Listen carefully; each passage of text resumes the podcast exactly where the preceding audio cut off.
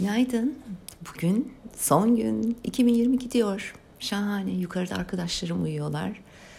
Çok çok mutlu bir güne uyandım. Ee, size Resilience'ın son benim için önemli olan taktiğiyle devam etmek istiyorum. O da mizahı kullanmak. Diyebilirsiniz ki çok feci şeylerle karşılaştığımızda nasıl olur da mizahi tarafına bakabiliriz bu işin? İşte ona bakmayı öğrendiğiniz zaman yani kendi hatalarınıza dalga geçmek, başınıza gelene başka bir perspektiften bakabildiğiniz zaman biraz daha katlanabilir hale gelebiliyor durum.